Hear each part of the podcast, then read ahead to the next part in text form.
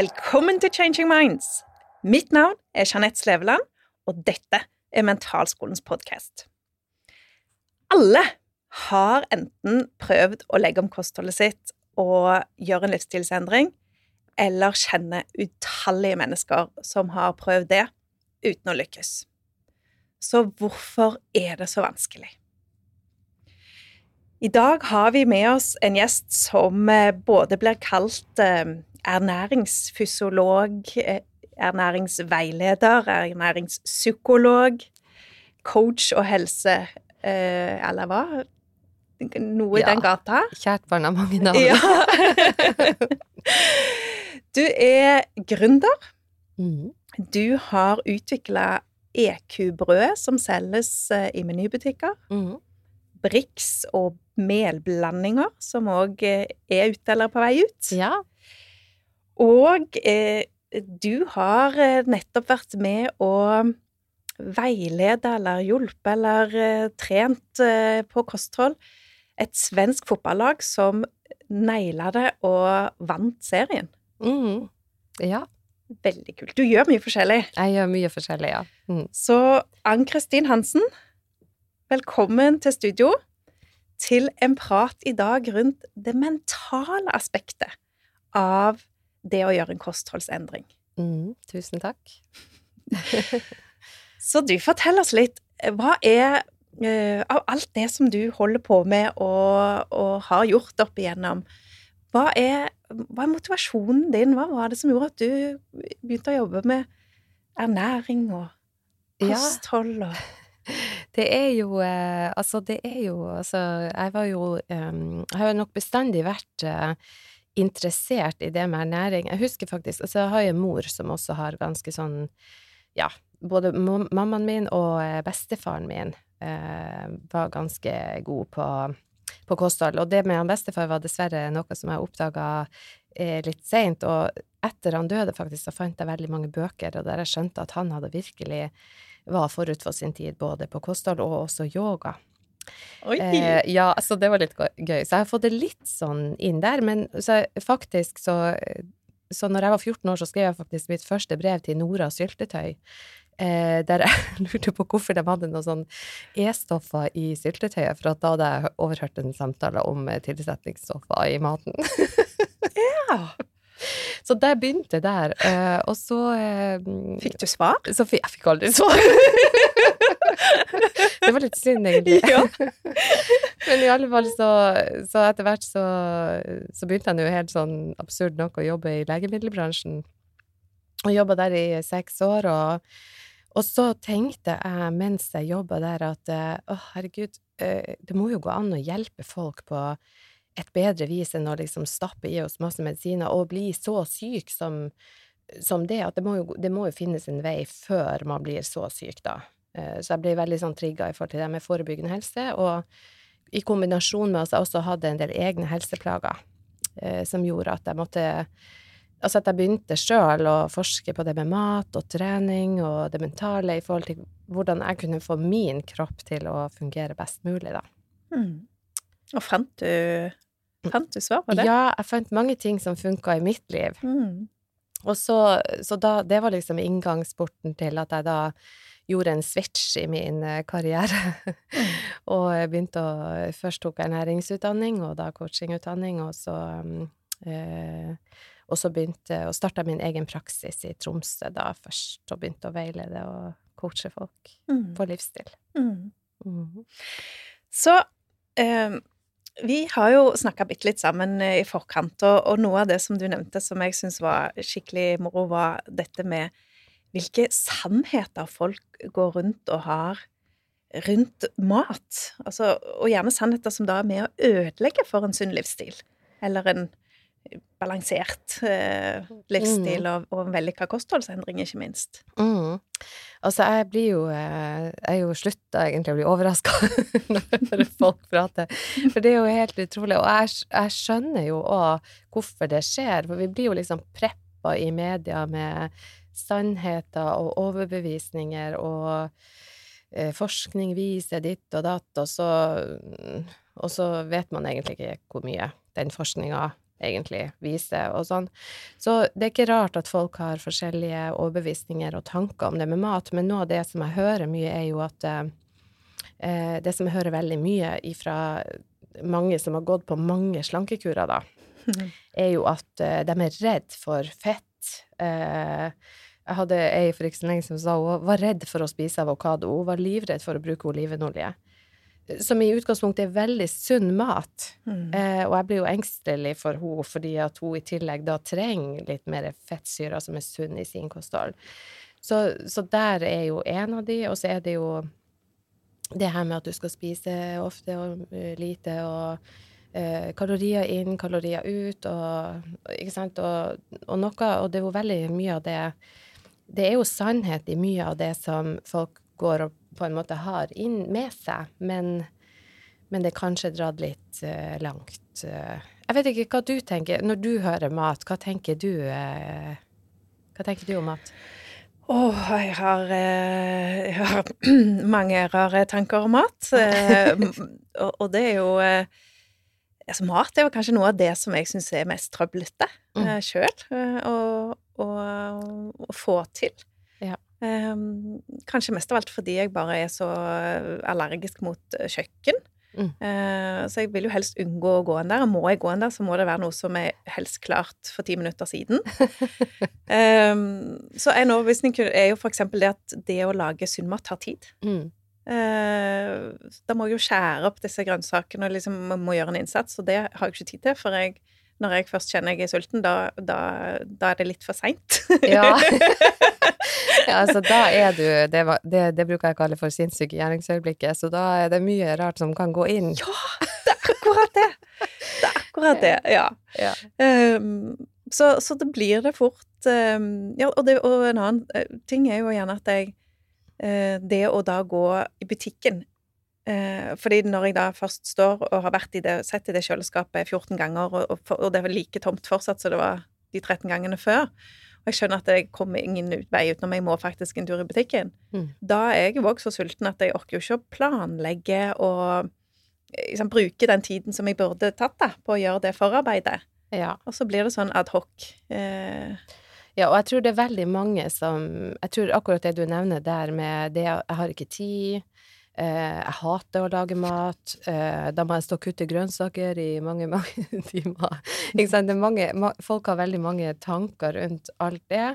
Og en annen ting som jeg hører mye, er jo også at det er veldig dyrt å leve sunt. Um, og, og, det så, så, summen av det her er jo egentlig Altså, det er jo det her som ofte står i veien for at folk klarer å få til en livsstilsendring. Mm. Fordi at man holder så sterkt på de overbevisningene og nekter å gi dem fra seg, på et vis. så da kan man jo liksom ta et valg. Ja, skal du fortsette å si det til deg sjøl, eller skal du liksom gjøre en innsats og, og prøve å snu litt, da? Men, men jeg tror at um, Jeg tror mye av det her handler egentlig litt om uh, Altså Spesielt det her med at det er dyrt å leve sunt, og at det tar lang tid og sånn, det tror jeg handler litt om ja, ikke nødvendigvis om kunnskap, men, men, at man liksom tenker at det skal ta lengre tid, og man ikke har testa ut hvordan man kan få det til. Så jeg er veldig opptatt av at når jeg hjelper folk, så vil jeg gjerne gi dem verktøyene, og ikke bare si at det her skal du slutte å spise, og det skal du ikke ha, og sånn og sånn, men jeg må jo hjelpe dem å få til den endringa. Og og hva mener du da med verktøyene? Ja, og da er det jo det her med hvordan skal, hvordan skal jeg få til å, å lage denne maten så enkelt som mulig, ikke mm. sant? Um, jeg hadde et eksempel her denne, denne uka med ei som da er uh, har mange, mange problemstillinger i forhold til ja, både depresjon og masse uh, trøblete i kroppen, masse smerter, fatigue, utmattelse, ikke sant, sånne ting.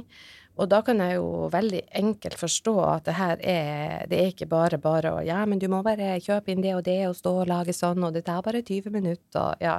Så da er det om å gjøre da Et verktøy som jeg ga henne, da var jo at jeg ga henne direkte ting hun kan kjøpe på butikken som er ferdiglagd, som hun bare trenger å varme. Handleliste? Rett og slett ei handleliste. Oh. Så, så, så, jo, så, jeg er jo veldig opptatt av å, å, møte folk der de er, på en måte. Det fins ingen mal for alle. Mm. Man må finne ut hvor er det skoen trykker i ditt liv, og så eh, hjelpe dem der de er, på en måte. Og da må man jo plukke fra verktøykassa ulike verktøy, ja. tenker jeg. Ja. ja. Og, og heldige de som kommer til deg, som har skjønt at det ikke bare er eh, å telle kalorier og, Mm. Eh, og, og si hvilke matvarer som skal inn eller ut, men som skjønner at det er noen mentale greier som skjer her òg. Mm. Og jeg vil jo tenke at eh, nok i de aller fleste tilfellene er det mentale som hindrer oss i å eh, få suksess, da, i den endringen vi ønsker oss. Absolutt. Mm. Mm. Så du er sikkert oppdatert på hva, hvilke trender er det som, som um, Trender og troer er det som er der ute nå, som, eh, som folk eh, kaster seg på?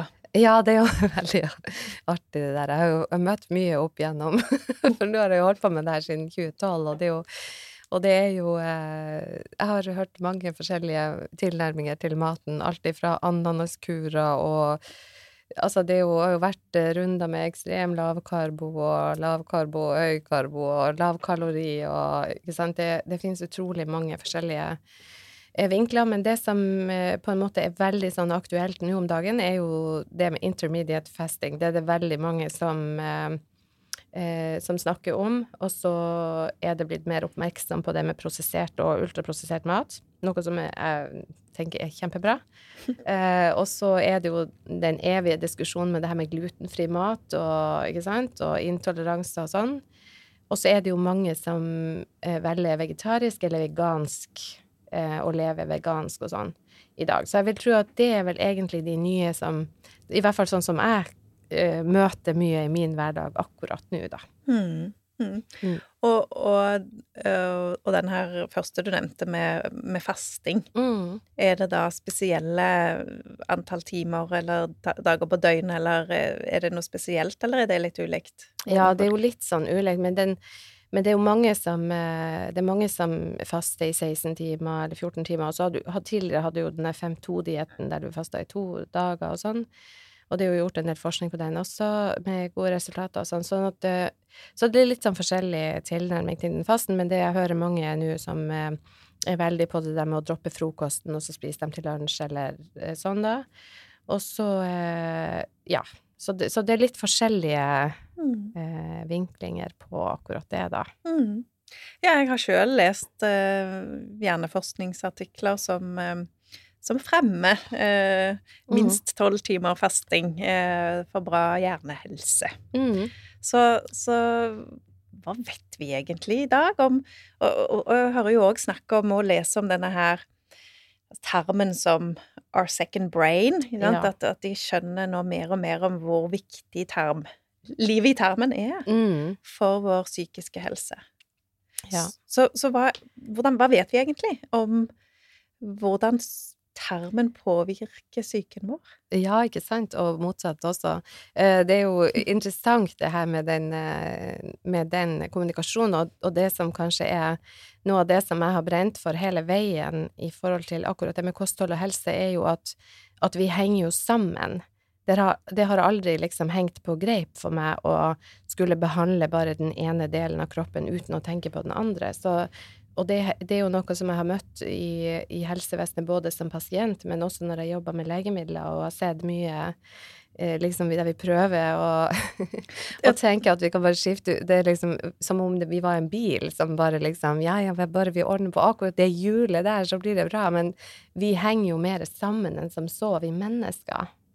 Og når du snakker om da den ene delen og ikke den andre, snakker du da om psyken og, og fysikken, eller snakker du om en kroppsdel, håper jeg, eller Ja, en, et indre organ? Ja, det er jo både det, ikke sant. Så det er jo én ting er jo eh, Sammenhengen mellom tarmen og hjernen er jo en av delene, og så er det jo også de andre tingene. Så når man da får en problematikk en annen plass i kroppen, så er det jo hensiktsmessig da å tenke litt større enn bare å behandle akkurat den delen der, tenker jeg da. Mm.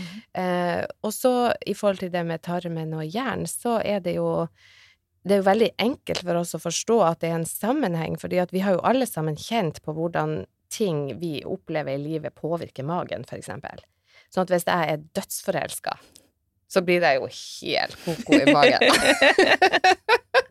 Ikke sant, du kjenner deg igjen i det? Jeg hadde to eksamener her forrige uke. Ja. jeg merket jo det i um, sitre og, og Ja. i magen. Mm. Så da er det mye Så da ser vi jo hvor, hvor enkelt Altså sånn hvor eh, hvor vi blir påvirka av det, og sammen hvis vi blir redd og engstelig og alt sånt, så, så, så kjenner vi det i magen, og kanskje da til og med må springe på do, eller eh, ikke klare å spise, eller hvis vi blir engstelige, så mm, blir vi både tørre i munnen og klarer ikke å få ned noe. Så, så, der er jo en sånn logisk sammenheng som alle kjenner seg igjen i, da. Eh, og så har du motsatt vei igjen, og som det som er veldig, veldig fint at det forskes en del på nå, er jo akkurat det her med ehm, med hva er det som faktisk foregår i tarmsystemet, og det er jo et digert system. Eh, der vi har både store deler, altså størstedelen av immunforsvaret vårt i tarmen, og i tillegg, som du sier, the second brain, med at vi har et eget nervesystem i tarmen. I tillegg til at altså sånn, Vi vet jo hvordan vi tar opp mat, ikke sant. Det er jo gjennom tynntarmen og opp i blodbanen, eh, som da er det transportsystemet som frakter næringa, men som også frakter kanskje andre ting som kommer ifra tarmen, da. Og der kan det jo komme inn en del uhensiktsmessige ting i blodbanen som da blir flytta rundt i kroppen, og kan sette seg i andre plasser i kroppen, da. som kommer inn gjennom maten vi spiser, Mm. eller? Mm. Som skal komme inn gjennom tarmen, da. Så ikke nødvendigvis at det er maten, men hvis vi da har uhensiktsmessige bakterier som kommer inn, så er det jo kjempefarlig for oss. Så det jo, eh, så det jo, så det er jo kjempefint, og det er jo så spennende å følge med, og enda er det jo kanskje Altså nå er det jo enda veldig sånn eh, nytt, på en måte, det her eh, All forskninga som foregår, men, men det er veldig fint at det skjer. Og jeg husker Jeg kommer aldri til å glemme en, en kommentar hun mamma hadde for, når hun fikk diagnosen Bechterew, og det her er mange, mange år siden, jeg var jo ganske liten men da hadde hun, da hadde hun sagt til legen sin, som da ga hun den diagnosen, så hadde hun sagt at ja, hvis jeg har bekterev, så kommer det av en dårlig tarm. For hun hadde snakka, hun hadde slettet med magen hele livet. Og jeg hadde jo også litt sånn trøblete mage fra jeg var liten, og han bestefar hadde det. Men, men sant, på den tida så var det jo sånn, og bestemor brukte bestandig bare å si at ja, men nei da, men eh, vi har bare sånne mager i denne familien.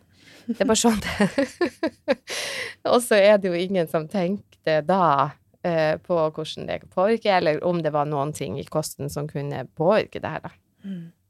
Mm. Så ja, så det er veldig spennende, og det er jo veldig omfattende, sånn at det kunne vi jo snakka med om i en ukes tid, sikkert. ja. ja. Ja, jeg liker så innmari godt eh, den, altså stilen din, eh, den ydmykheten du viser overfor det at det, det er ingen én fasit som virker for alle, og det må tilpasses, og det, det, er ikke noe sånn to streker under eh, sånn skal du gjøre det, eller dette er bra, og dette er ikke bra. Mm. Eh, og det gjør at jeg får sånn tillit til deg òg. Eh, både, både likestilen din og tenker at ja, men da Det har jeg lyst til å høre på. Mm, så bra, Mm. takk. Så eh, de, er, det, er det andre ting? Altså, nå fortalte du jo litt om eh, altså, det at vi vet at, jeg, at tarmen har sitt eget eh, Altså, ja, sin, sin egen lille verden inni der, egentlig. Eh, og hvordan eh, kroppen er knytta sammen. Er det andre ting vi vet om, om tarm og helse, psykisk helse, hvordan det påvirker? Ja, altså det er jo veldig spennende det her med psykisk helse spesielt, for at der er jo, gjøres jo en masse forskning på det også, og det er klart at eh, Og nå ser man jo også det her med For eksempel det er gjort noe forskning i forhold til dem med irritabel tarm, at de har mer eh, depresjon og sant, nedstemthet og utmattelse og sånn. Eh, og i tillegg så er det gjort noe forskning i forhold til schizofreni, eh, blant annet bitte liten eh, studie som jeg ikke har lest så inngående i forhold til det med med at, at det kan være hensiktsmessig å ikke spise gluten, eksempel. Så, så det er veldig mye sånn spennende forskningsprogram, og, og så er det jo det her store som, som skjer rundt omkring nå i forhold til det med å, å endre på tarmbakterier. At du på en måte får eh, At jeg og du kunne bytta, for eksempel. Selv om det høres litt sånn makabert ut, så, så er det jo en del forskning på det som er kjempespennende, der man ser at folk som eh, kanskje en overvektig som får eh, tarmbakterier fra en eh, normalvektig, klarer å gå ned i vekt med å bytte tarmbakterier, og, og også den linken i forhold til både hvis du har tarmproblematikk, men også hvis du har da psykiske lidelser eller eh, sånn, da. Så det, så det, henger jo utrolig jeg tror, jeg tror, det ligger masse spennende her, og vi, vi, vi, har jo bare sett en liten brøkdel, så jeg er veldig spent på hva som kommer. Mm. Um, og jeg tenker jo også at vi kjenner jo i hverdagen også mye på eh, eh, hvordan psyken og tarmen henger sammen. Og som du nevnte der, ikke sant, når du handler på lavt blodsukker og blir helt sånn crazy kokonøs, vi vet at vi blir eh, mer sensitive, vi blir mer ustabile i humøret, blir, får kortere lunter, ikke sant, og sånne ting. Så, så, de, så de, der hverdagslige eh, påvirkningene kjenner vi jo alle på. Mm. Mm. Ja. Absolutt. Ja. Så um, de fleste vet jo mye om hva som er bra for oss. Mm. Uh, men mange, uh, sånne som meg, har uh, kanskje litt sånn kunnskapslageret fullt og tomt kjøleskap. Mm. Og, og, det gjør jo noe med at den muligheten til å, til å få det til, da, få til en god vaneendring som varer. For det er jo mange av oss helt sikkert som har prøvd, og som gjerne får det til i en liten periode, og så uh, sklir vi sakte, men sikkert kanskje over i de gamle vanene våre. Mm. Så hva er de mentale strategiene som skal til for å lykkes? Mm. Godt spørsmål. jeg tror det er mange svar på det. Uh, men, men, det som er um, Jeg jobber jo mye med å hjelpe folk til å endre på vanene sine. Så personlig så har jeg veldig tro på at man må ta, ta det litt sånn ett steg i slengen, på en måte. Um, for det er så Jeg tror at det som ofte skjer, og både jeg og du har jobba med trening, ikke sant, i treningsbransjen, og um, og vi har sett at i januar og februar så er det dugg på vinduene på treningssentrene, ikke sant, for da er det steamy windows, da skal alle pumpe, og det skal brennes ribbefett herifra til månen. Og da eh, Og så normaliseres det sånn i mars-april. Så det her tror jeg gjelder både i forhold til maten og trening. Og, eh, og jeg tenker òg at eh, det tror jeg henger sammen med at vi da uh, har fullt fokus både på maten og, det, nei, maten og aktiviteten, og så glemmer vi å tenke på det mentale uh, og hvile og det sosiale. Og mm. hvordan skal vi få det her til i en hverdag med familie, med andre behov fra ungene, med unger som skal kjøres hit og dit, og ikke sant Alt annet når livet kommer i veien, på en måte det blir for mye. Belastningen på en måte blir for stor på en gang. Det er det det gjør, og i tillegg så blir det jo ikke sunt heller. For det er jo noe med Hvis du da liksom kjører full pupp med trening og, øh, og mat, og, og, kanskje da har en overbevisning om at nå må jeg bare spise mye mindre Og jeg har jo hatt veldig mange jeg har møtt som bare nesten ikke et. Og så kjører de på med trening og alt det der. og ikke, ikke rart at uh, kroppen da på et eller annet tidspunkt uh, sier ifra at uh, du, hei, det her blir litt for heftig for meg. Og da kan man bli både syk og Skyldig. ja, ikke sant? og det er jo fordi at da får vi en overbelastning. Altså vi får jo et, et type oksidativt stress i kroppen, og det er jo Altså, det er jo, hvis vi får for mye av det over lang tid, så blir vi syke da går det utover immunforsvaret. Og det, så, så, det er å finne den balansen for at vi, vi, vi, kan både tenke at hvis målet da er at vi skal gå ned i vekt, så må vi både tenke at ok, hvordan skal jeg få eh, vekk eh, mye av det her overskuddet som jeg går og bærer på, samtidig som at jeg skal ta vare på helsa mi. Mm. Og så må vi tenke bærekraftighet også her, ikke sant, i forhold til å finne en livsstil man kan leve med lenge og hele livet. Ja, så ikke det blir en sånn diett mm. eh, som varer x antall uker, og så er vi tilbake igjen. ja, mm. det er det som er. Ja. Mm. Ok, så, så, tips nummer én eh, begynn, i, altså, begynn i det små, eller gjør det, gjør det enkelt. Um, og dette òg er jo musikk i ørene mine som, eh, som leser um, hjerneforskning, eh, nevrovitenskap, hvor, mm hvor, eh, hvor dette òg er et av de aller eh, viktigste stegene i enhver vaneendring. Mm. At det første må være, det må være så enkelt at det blir nesten litt sånn latterlig. Mm. Det skal være Mm. sånn at du nesten tenker at nei, det er jo ikke noe vits engang, fordi jeg får ikke noe effekt av dette. Nei. Altså, eh, så, så basis at det blir latterlig lett. mm. Mm. Da er du i gang.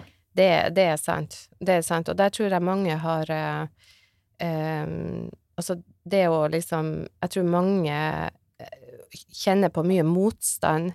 Eh, senest i går hadde jeg et, eh, et, en undervisning oppe på Idrettens helsesenter eh, i på sånn arbeidsrettet rehabilitering, der mange er nede for telling og har kjørt kroppen sin for hardt for lenge, og, og da snakker vi om nettopp det her.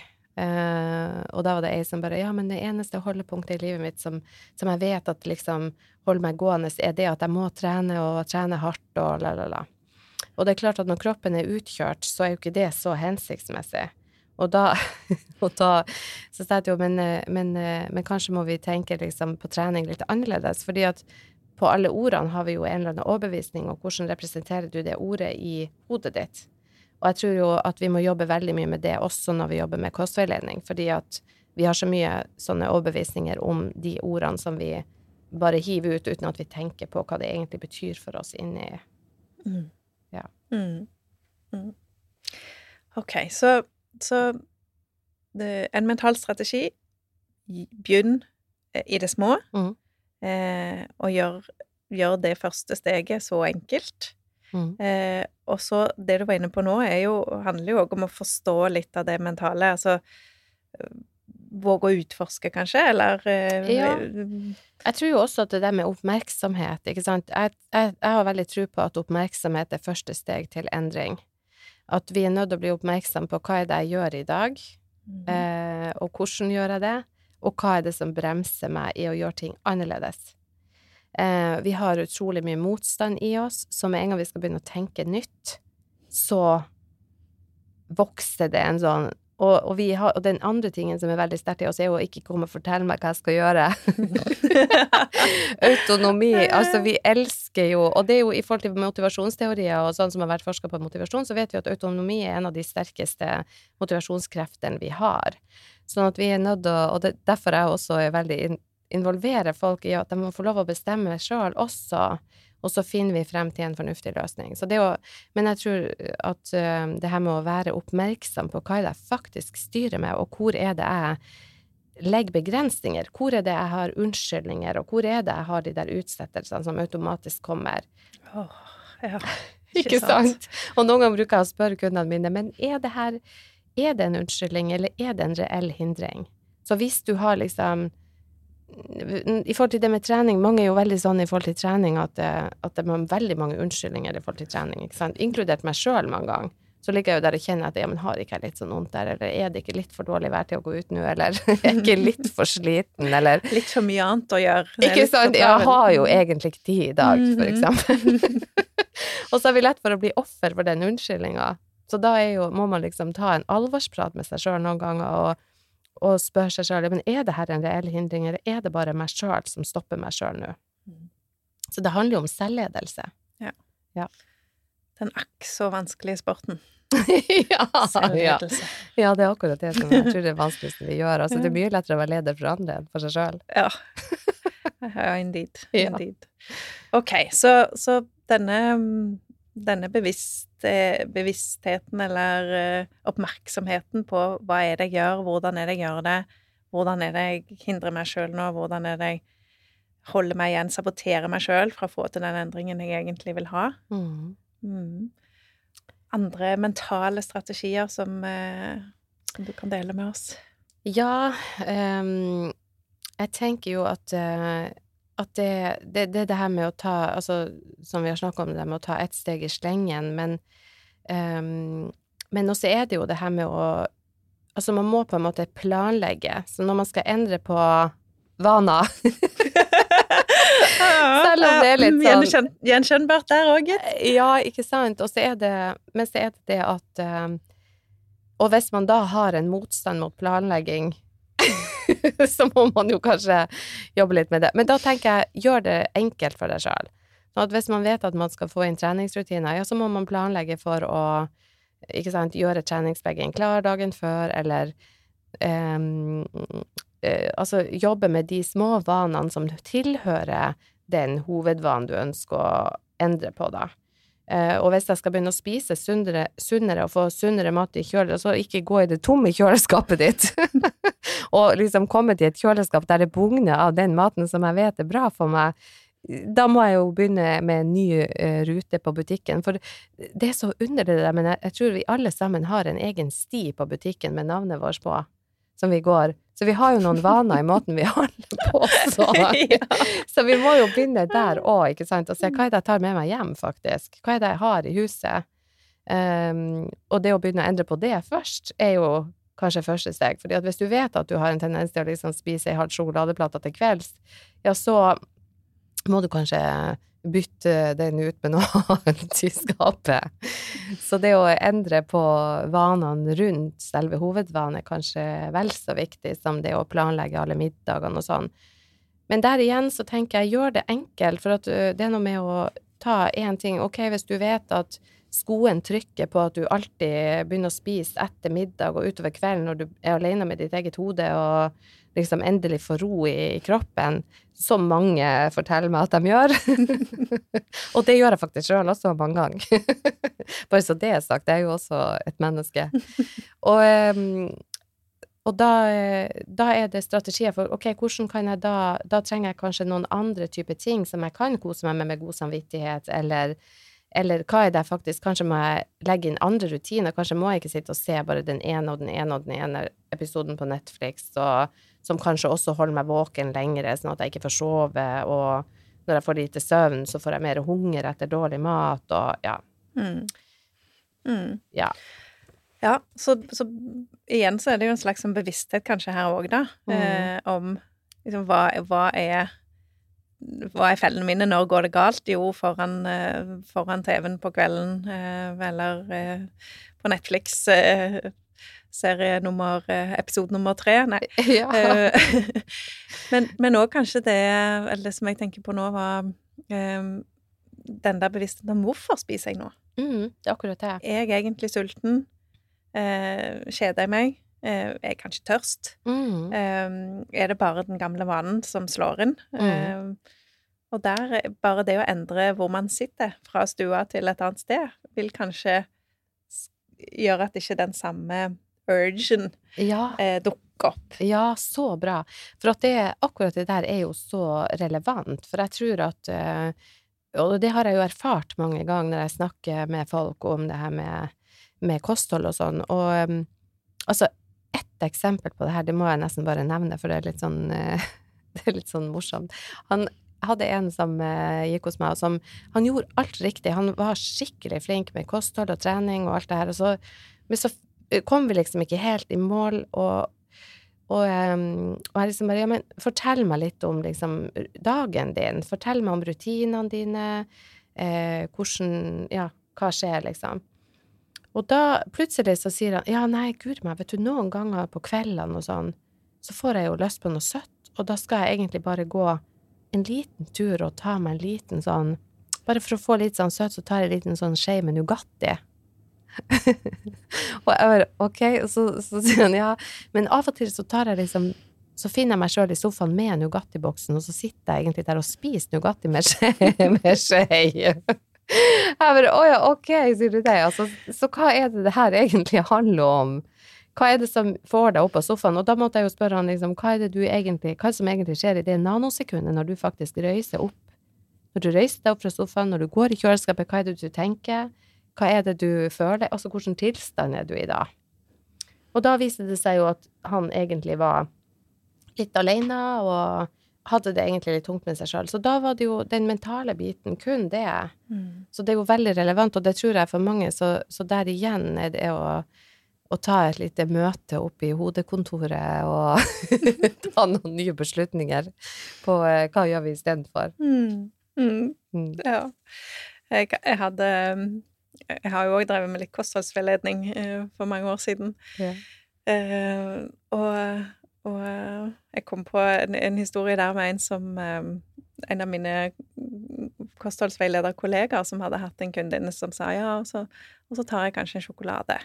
Ja. Eh, og hun var jo sunn og, og, og ville bare liksom OK, ja, snakker vi en sjokoladebit eller en hel sjokolade? Og så viser hun en sånn eh, New Energy på en måte størrelse, da. Mm. Eh, og så får hun bare tilbake Nei, en sjokolade, og så vise en 200 grams plate, ikke sant?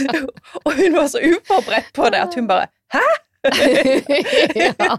så, så, så igjen det der Og så tar jeg meg kanskje en sjokolade. Det er forskjell på ja, og der ser man hvor viktig det er å stille det spørsmålet. Men hva er, den, hva er en sjokolade? Jeg hadde også ei som bare sånn Apropos det, det var ei som var hos meg nå for ikke så lenge siden, så, så sier hun ja, men hun hadde sånn forkjærlighet for smågodt.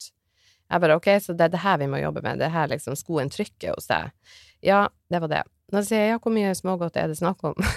og da var det liksom en gigasvær, altså det kan hende vi snakker om et kilo her.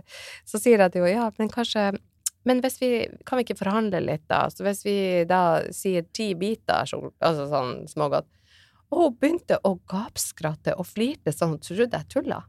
For Hun tenkte det var ikke mulig å bare ha ti biter i skåla.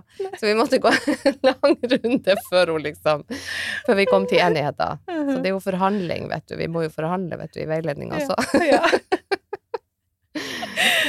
Så um, nå, nå har vi jo vært gjennom en del eh, tips her som, som går på det mentale, og på hva du òg Hvordan du jobber med, med dine kunder, og hjelper de til, eh, til dette. Mm.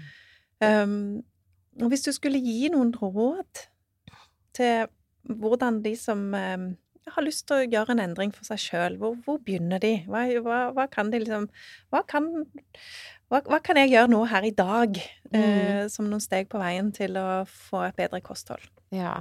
Jeg tror, jeg tror at det er viktig å, å se på liksom hvor er det, hvis man skal endre på livsstilen sin og få det bedre i sin hverdag, for jeg er opptatt av å gi folk bedre hverdager. Eh, og da har vi jo ulikt utgangspunkt, ikke sant? Noen har helt friske kropper, mens andre har De fleste har jo noen, ikke sant, små snacks vi baler med og sliter med, og det er helt vanlig. Så, eh, så da må man liksom finne ut, ok, hvor er det skoen trykker? Er det det at jeg sover nok? Eh, er det det at jeg ikke kommer på trening?